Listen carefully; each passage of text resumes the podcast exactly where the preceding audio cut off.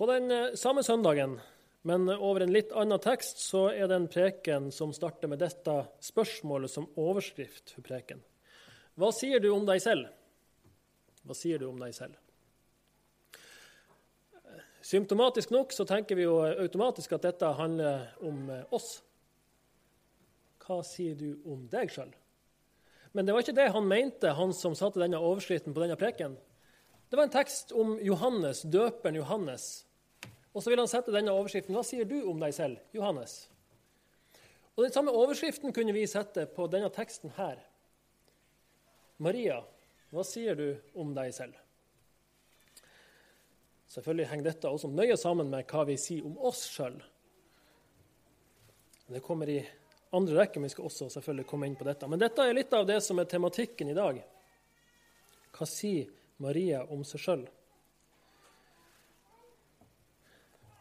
Kort forklart så kan vi jo avsløre poenget at det er en hyllest til Gud over hva han har gjort i Maria sitt liv, på samme måte som Johannes også fikk lov å trekke fram det samme. Spørsmålet er heller ikke irrelevant i møte med dagens tekst. Når vi ser på Maria, altså hva sier hun om seg sjøl? Det er noe også vesentlig der i forhold til hva vi vet om Jesus, siden hun er Jesu mor. Og dernest også sier det oss noen ting om hva vi kan si om oss sjøl. Vi leser dagens tekst fra Lukas kapittel 1, fra vers 46. Lukas kapittel 1, fra vers 46.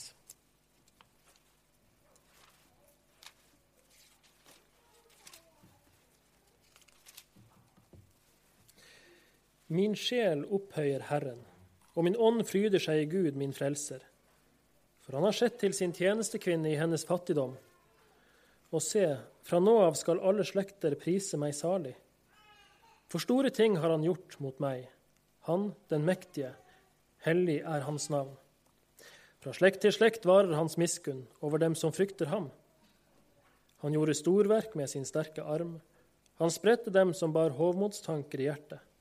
Han støtte herskere ned fra tronen og løftet opp de lave. Han mettet de sultne med gode gaver, men sendte de rike tomhendte fra seg. Han tok seg av Israel sin tjener og husket på sin miskunn, slik han lovet våre fedre, Abraham og hans ett, til evig tid. Hellige Far, hellige oss i sannheten, ditt ord er sannhet. Vi gjør en liten bemerkning på teksten først, innledningsvis. Det er at den forekommer tre ganger i kirkeåret. Og at man derfor ofte, hvis man går på et møte eller en gudstjeneste som tar utgangspunkt i søndagens tekst, så vil man stort sett hvert år møte denne teksten. Den ene dagen er denne dagen. Fjerde søndag i advent, den første rekke. Det vil si, vi har jo tre rekker i søndagens kirkeår, så det er sånn tre år i syklus. Nå er vi i første rekke, og vi har denne teksten. Den andre plassen, som er en mer vanlig plass, i hvert fall historisk sett, sånn som jeg har skjønt det, det er Maria budskapsdag. Eh, og der kommer den i andre rekke. Så i år to så kommer den der, litt utpå i første kvartal av året. Og så kommer den også, eller Deler av teksten kommer også på 17. mai. Det er også litt interessant å prøve å reflektere litt over hvorfor kommer den teksten der. Um, jeg tror de har tenkt litt igjennom hva de vil skal være elementet, eller det som man trekker fram der. da, Og som kanskje også er det som vi skal trekke fram i dag, eller det blir det vi trekker fram i dag. Så kan man kanskje hjemme tenke litt på hva har det med 17. mai å gjøre. Jeg skal ikke si noe særlig om det. Det samme gjelder for så vidt teksten rett forut, altså Maria som besøker Elisabeth, som også er med barn, men som er blitt gammel. Den går også igjen flere ganger i flere tekster, så at man møter den egentlig ganske ofte. Morsomt med litt sånn lydeffekter. Det gjør seg. I deler av kirkens historie har det faktisk vært sånn at Maria budskapsdag har vært nyttårsdagen for kirka. Altså der man går inn i det nye året, der det skjer noe nytt. Fordi at unnfangelsesøyeblikket var da alt snudde i historien. Det er interessant. I dag er jo Kirkens nyttår ikke nyttårsaften, men første søndag i advent. Så nå er vi rett inn i det nye kirkeåret. Men eh, tidligere altså litt interessant, det kom på Maria budskapsdag. Det Sier også noen ting om hvor stort man vurderer livets begynnelse eh, allerede fra langt, langt tilbake i tida. Det skjedde også noe i vårt liv idet vi ble unnfanga. Mange av de viktigste tingene som bestemmer hvem vi er, skjer ved unnfangelsen. Da legges genene der. Mye av vår personlighet eller egenskaper og hvordan vi ser ut, det vil også legges der. Så mye av det som kommer til syne senere i livet, og som modnes senere i livet på ulike vis, det legges der i unnfangelsesøyeblikket. Og Noen har sagt det sånn at resten er bare vekst og modning. Men starten, der blir alt lagt. Resten er vekst og modning. Derfor er det kanskje heller ikke rart at Maria budskapsdag ofte har vært sett på som langt viktigere enn jula i noen deler av kirkens historie. Vi har snudd litt på det, og så syns vi jula er så mye viktigere. Ehm, men ofte har man regna Maria budskapsdag, unnfangelsen, som en større høytid enn jula. Kanskje henger det sammen med det som Elisabeth egentlig er et uttrykk for. Maria besøker sin slektning Elisabeth. og Det er jo interessant i seg sjøl. Jeg vet ikke hvem du ville besøkt eller kunne tenke deg å reise til om du var ca. 15 år gammel, kanskje 17, i alle fall ikke mer enn 20. Mest sannsynlig, hvis vi skal regne som vanlig tid, når unge kvinner i Israel gifta seg og fikk barn. Jeg vet ikke hvem du ville reist til hvis du var gravid, la oss si som 17-åring, um, ehm, og du var utafor ekteskapet, og det var en stor skam Det var ikke vanlig. Hvem reiser du da til? Det erkekonservative gamle ekteparet hvor mannen er en prest i tempelet, jeg vet ikke om det ville vært den første plassen jeg ville reist. Ganske sikkert en plass med fordømmelse. Sånn. Ytre sett. Men interessant nok så drar allikevel Maria dit. Og Det er også verdt å legge merke til. Men det er ikke sikkert at de var så fæle som man kanskje kan tenke i utgangspunktet. Og jeg tror nok at Maria har opplevd at det var en omsorg hos Elisabeth. Dernest er det jo også en tanke som jeg tror var ganske tydelig hos Maria, at hun vil reise til sin gamle slektning og hjelpe henne i hennes graviditet. Det er også en del av det som går igjen hos Gud, at den som har fått en stor gave, ofte er den som må ydmyke seg mest og tjene de andre. En kristens oppgave er å tjene de andre. Og sånn gjør også Maria. Egentlig kunne hun kanskje tenkt som så at hvorfor skulle det ikke komme en hær av engler og tilby sine tjenester til meg? må de øve så lenge på disse sangene som de skal fremtre for hyrdene på Betlehemsmarken, at de ikke kan komme her og tilby meg litt støtte underveis. Men sånn tenker ikke Maria. Maria drar kjapt og fort, hurtig, til Elisabeth. Også et stort eksempel for oss. Elisabeth på sin side kan jo ikke vite hva som har skjedd med Maria. Iallfall må vi anta det. Eh, det er få som er så flinke å se på kvinner at de er gravide fra første stund, at de liksom legger merke til det idet de trer inn døra. Men idet Maria kommer inn døra og antageligvis sier 'fred være med deg', som er den typiske hilsen som du kommer med, så er det altså sånn at Johannes i Elisabeth sin mage hører hilsningen og springer i magen av fryd.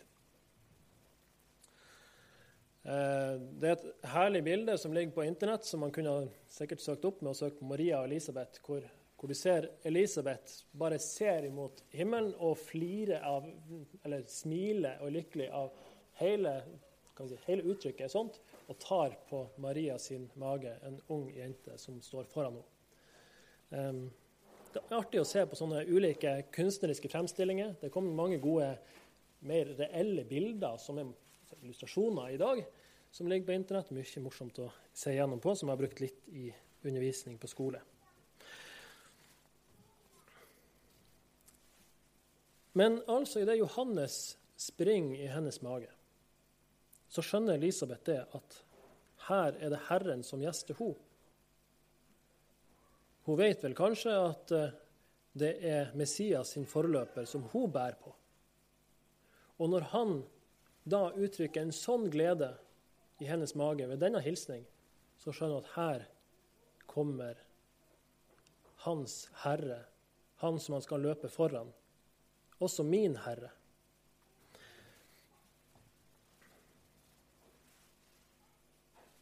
Derfor kan vi si det at troens øye ser det som ikke er synlig. Altså, dette var ikke synlig for Elisabeth. Det, så tidlig er ikke en graviditet synlig at hun kan se det, men hun ser det.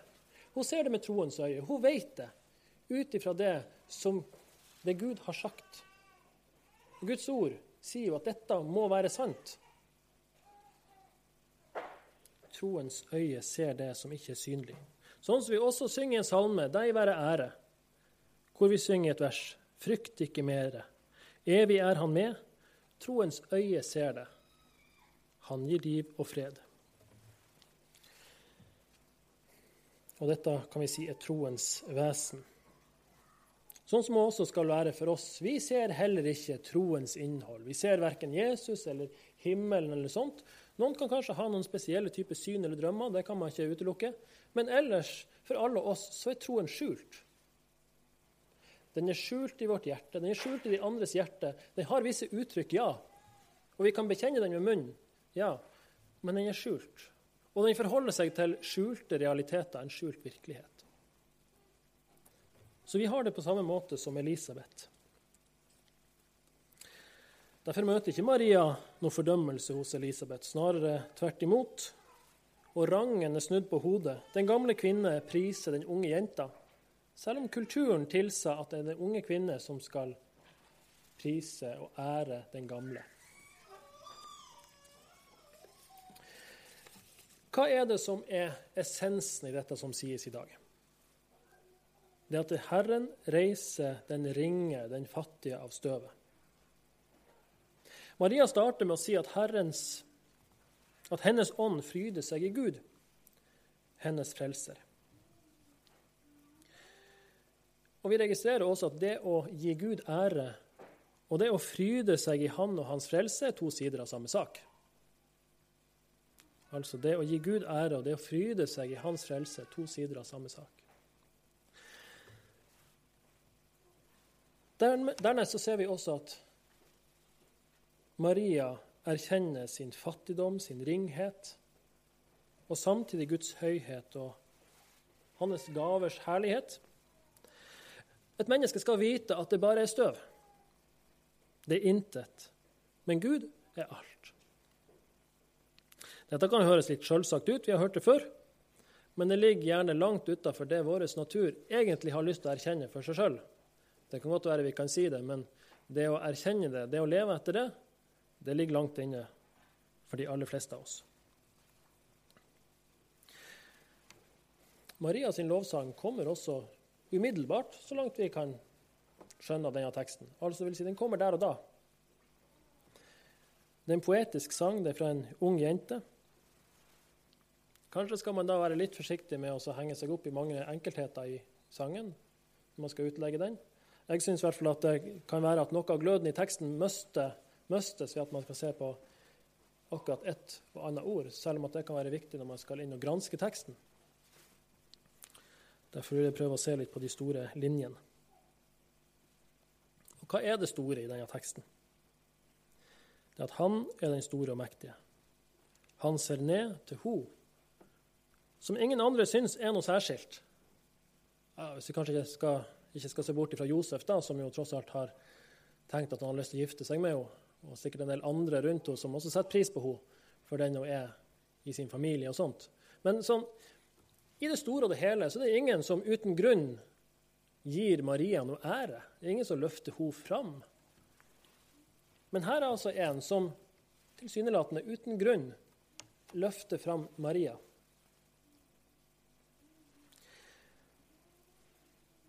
Det kunne sikkert finnes langt mer naturlige valg. Noen som var langt mer tydelige, noen som var langt bedre. Men altså, her var det Maria som ble valgt. Hun fryder seg heller ikke over sin egen lykke. Som jo antageligvis rent ytre sett i tida framover kommer til å få mange store tilbakeslag.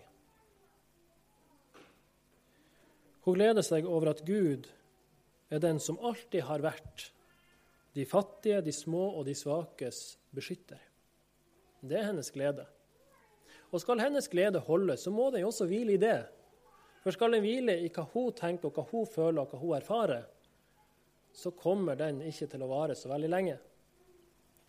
Hun er tross alt en ung, ugift kvinne i det gamle Israel som er med barn. Og de står ikke veldig høyt i kurs.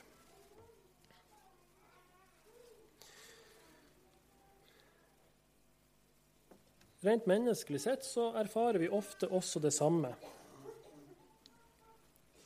Altså at den som søker sitt eget og ikke tenker på andre, eller kun gir skinn av å tenke på andre, hos dem opplever en ofte å bli såra, og der kan man oppleve smerte.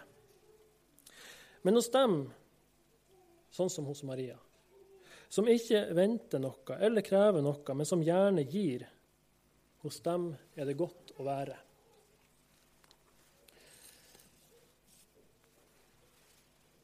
Vi er kommet til et stort mysterium. Tenk at Gud har fått et sted å være.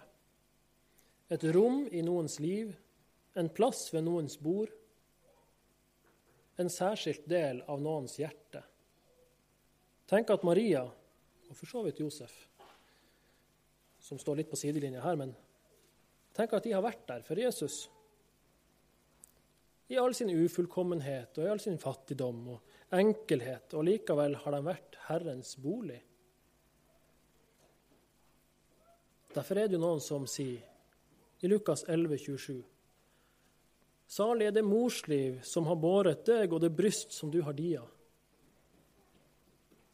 Og Herren svarer, altså Jesus svarer, ja. Salige er de som hører Guds ord og tar vare på det. For det går egentlig ut på det samme, det. Fordi at han er jo Ordet.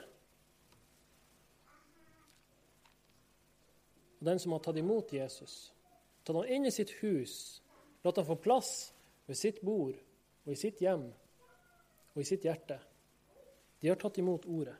De har hørt Ordet og har tatt vare på det. Dette kan vi også finne i Johannes 1, og vi kan godt lese det. Det er et kjent vers, eller kjent avsnitt. Johannes 1, fra vers 1, så står det I begynnelsen var Ordet, og Ordet var hos Gud, og Ordet var Gud. Han var i begynnelsen hos Gud, og alt er blitt til ved ham. Uten ham er ikke noe blitt til. Det som ble til i ham, var liv, og livet var menneskenes lys. Lyset skinner i mørket, og mørket har ikke overvunnet det. Så står det litt om Johannes, vi kan jo for så vidt ta med det, siden vi også har berørt han. Et menneske sto fram, utsendt av Gud. Navnet hans var Johannes. Han kom for å vitne. Han skulle vitne om lyset, så alle skulle komme til tro ved ham. Selv var han ikke lyset, men han skulle vitne om lyset. Det sanne lys som lyser for hvert menneske, kom nå til verden. Han var i verden, og verden er blitt til ved ham, men verden kjente ham ikke. Han kom til sitt eget, og hans egne tok ikke imot ham. Men alle dem som tok imot ham, dem gav han rett til å bli Guds barn, de som tror på hans navn. De er ikke født av kjøtt og blod, ikke av menneskers vilje, og ikke av manns vilje, men av Gud. Og ordet ble menneske og tok bolig iblant oss. Og vi så hans herlighet, en herlighet som den enbårne sønn har fra sin far, full av nåde og sannhet. Jeg tror vi kan si at det med å gi plass til Jesus, så konkret som det Maria har gjort, og det å gi plass til Guds ord, det går ut på ett og det samme. Og Det var dette ordet Maria hørte og tok vare på, og som tok bolig i henne. Det står en plass at Maria tok og gjemte dette i sitt hjerte. Tok og gjemte dette i sitt hjerte. Det er ofte i kunsten illustrert på denne måten at du ser et hjerte, ofte med Maria, og så ser du et, en, en åpning, og du ser inn til hjertet. Illustrasjon, selvfølgelig. Med en blomsterkrans, hvit blomsterkrans rundt. Som jeg tror symboliserer seierskransen. Freden, det rene. Men det er også alltid et sverd inni hjertet. Fordi at hun vet at hun må følge Jesus, eller hun blir å følge Jesus, som må gå mot Golgata, som må dø. Det er noe smertelig ved det når man har gitt noen ting en så stor plass og ser den smerte han må bære, og den død han må gå i møte, så kommer sverdet i hjertet. Dette er selvfølgelig også kan vi si, parallelt så har du en illustrasjon om med Jesu hjerte, som har en tilsvarende krans rundt sitt hjerte, bare at det er en tornekrans. Og som har et tilsvarende stikk inn i sitt hjerte, eller et åpent sår som det renner ifra. Som er fra spydet fra soldaten. Så Disse to her de skal ofte ses sammen. Det var En liten biting i dette her, men Maria tok altså vare på, på Guds ord i sitt hjerte. Ser jeg Herrens tjenerinne, sier Maria. Det skjer meg etter ditt ord. Og Her er det åndelige og det fysiske ett. Altså, hun er blitt Guds bolig. Hun er ordets rette mottaker. Hun er dermed menigheten, hun er forsamlingen. Her unnfanges ordet, dvs. Si her skapes kirken, her skapes de hellige. Hennes omsorg og hennes kjærlighet og hus er kirken. Her blir Guds barn bevart. De er en familie, de er Guds familie. Det åndelige og fysiske er så totalt ett i dette bildet her. Alt er nå under Guds totale og altomsluttende omsorg. Som med Jesus, så også med oss. Han ble sendt ned til en verden som var full av hat og mørke. Han sendes blant løver og ulver, men er trygg i fare. Sånn som vi synger at man er trygg i fare som Guds lille barneskare. Dette er livet i tro, hvor man er båret av Faderhender. hender. Sånn som med Jesus, sånn også med oss. Vi skal vite at Jesus virkelig vet hva det betyr når han sier uten at dere blir som små barn, kan dere ikke komme inn i Guds rike. Barn som er båret i magen, de er båret på armen. Han vet hva det vil si å være barn.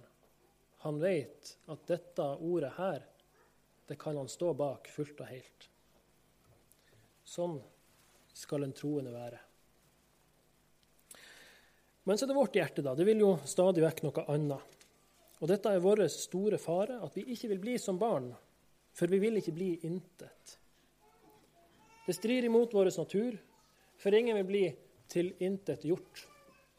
Som for så vidt er et godt ord som sier poenget. Vi vil ikke bli tilintetgjort. For vi vil være noe. Vi vil vise at vi duger til noe, vi vil vise at vi kan stå for noe. Vi kan vise at vår ydmykhet er stor. Det siste er for øvrig en paradoksal motsetning. Å vise at sin ydmykhet er stor. Noe mange kristne har forsøkt å løfte fram om seg sjøl. Luther gjør her et lite poeng når han omtaler det samme. Et lite, men ytterst viktig poeng når han sier at Maria roser seg ikke av sin ydmykhet, men av sin ringhet, fattigdom, svakhet. Hun roser seg ikke av sin ydmykhet. For ydmykheten roser seg ikke, roser ikke seg sjøl.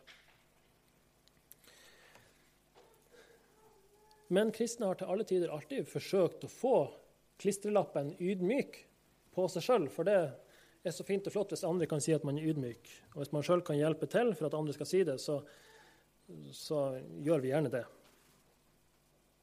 Derfor har vi funnet veldig mange talesett og uttrykk som kan gi skinn av ydmykhet. Ved å tale om ens syndighet, om ens medfølelse og gode hjertelag, og ens følelser for det ene og det andre. Problemet er bare at våre uttrykk fort blir noe som ikke har det store innholdet i seg. La oss nå bare ta noen eksempler. Hvis jeg skulle si det der rørte virkelig ved mitt hjerte når jeg hørte hva du sa, vil du umiddelbart tenke at jeg har en forståelse, en empati, en omsorg også for deg. Men dette kan bli innlært rutine. Og noen vet å dra mer nytte av det enn andre.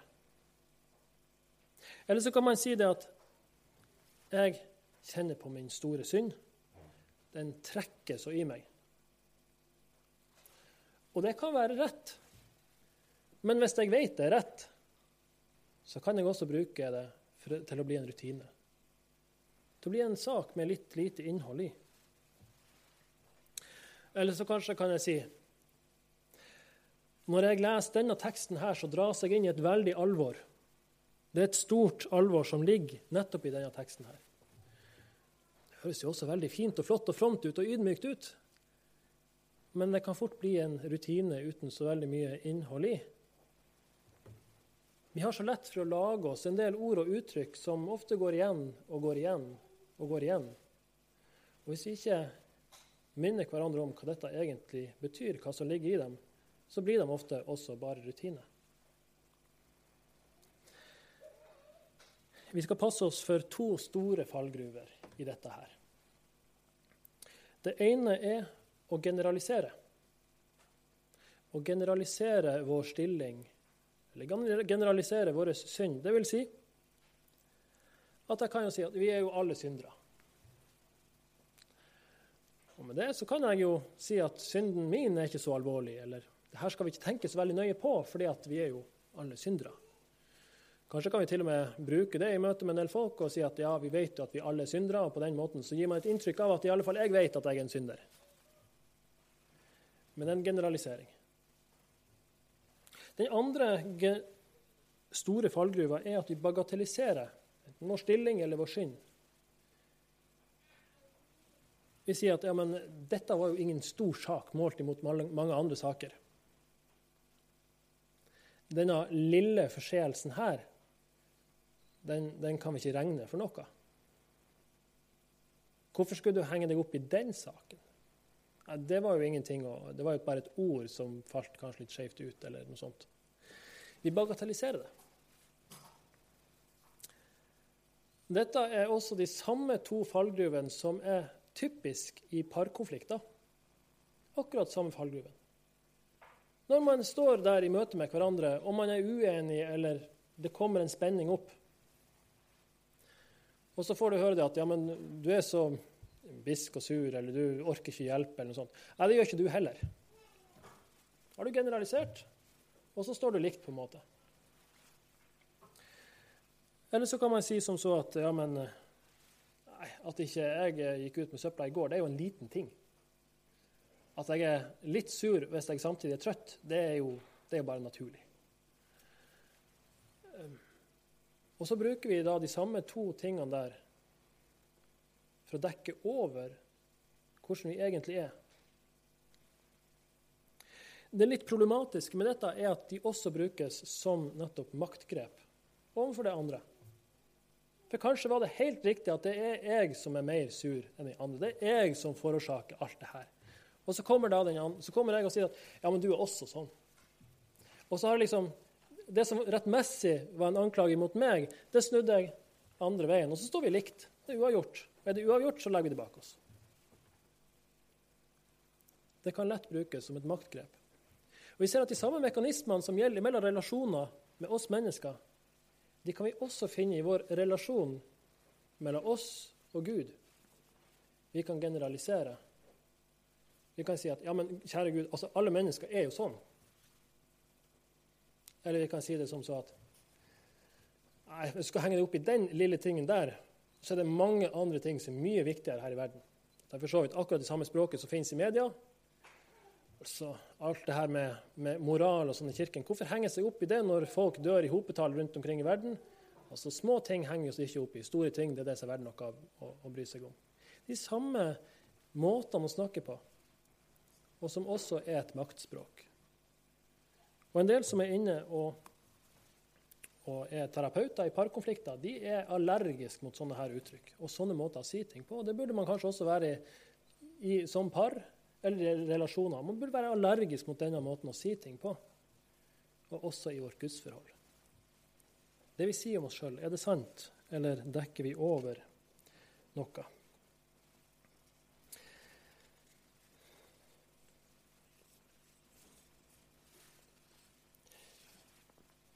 Marias lovsang minner veldig mye om Hannas lovsang. Hannas lovsang finner dere i 1. Samuels bok, kapittel 2, fra vers 1. For så vidt er ikke det så rart at man har henta inspirasjon fra en, et annet eksempel eller en annen kvinne som opplever mye av det samme. I hvert fall står i en tilsvarende situasjon. Man kan kjenne seg igjen i det. Man har kanskje lest dette ofte. Og så gjenkjenner man det, og så ligger det der som en inspirasjon også når Maria kommer med sitt. Det kan man godt tenke seg. Hannas lovsang er som følger. 1. Samuel 2, fra vers 1. Mitt hjerte fryder seg i Herren. Herren gir meg stor kraft. Jeg ler av mine fiender, for jeg gleder meg over din frelse. Ingen er hellig som Herren, for ingen er til uten du. Det er ingen klippe som vår Gud. Snakk ikke med så store og stolte ord, la ikke frekt snakk gå ut av munnen. For Herren er en Gud som allting vet, han prøver hver gjerning. De mektiges buer brytes i stykker, men de som vakler, kler seg i kraft. Mette må arbeide for sitt brød, men sultne slipper å hungre mer. Barnløs kvinne føder sju barn, men den som er rik på sønner, visner bort. Herren tar liv og gir liv. Han sender ned til dødsriket, og han fører opp igjen. Herren gjør fattig, og han gjør rik. Han fornedrer, og han opphøyer. Han reiser den svake opp av støvet og løfter den fattige fra dyngen. Han lar dem sitte blant stormenn og gir dem en ærefull plass. For jordens søyler hører Herren til, på dem bygde han verden opp. Han vokter de trofast på veien, men de urettferdige må tie i mørket. For ingen er sterk i egen kraft. Kan vi merke oss? For ingen er sterk i egen kraft. Herren knuser, knuser sine fiender, han lar det tordne over dem fra himmelen. Herren dømmer den vide jord.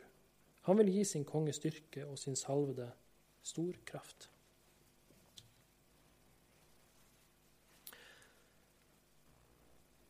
Vi ser at det ligger mange trekk mellom de to sangene der. Mye av tematikken og de store linjene er akkurat det samme.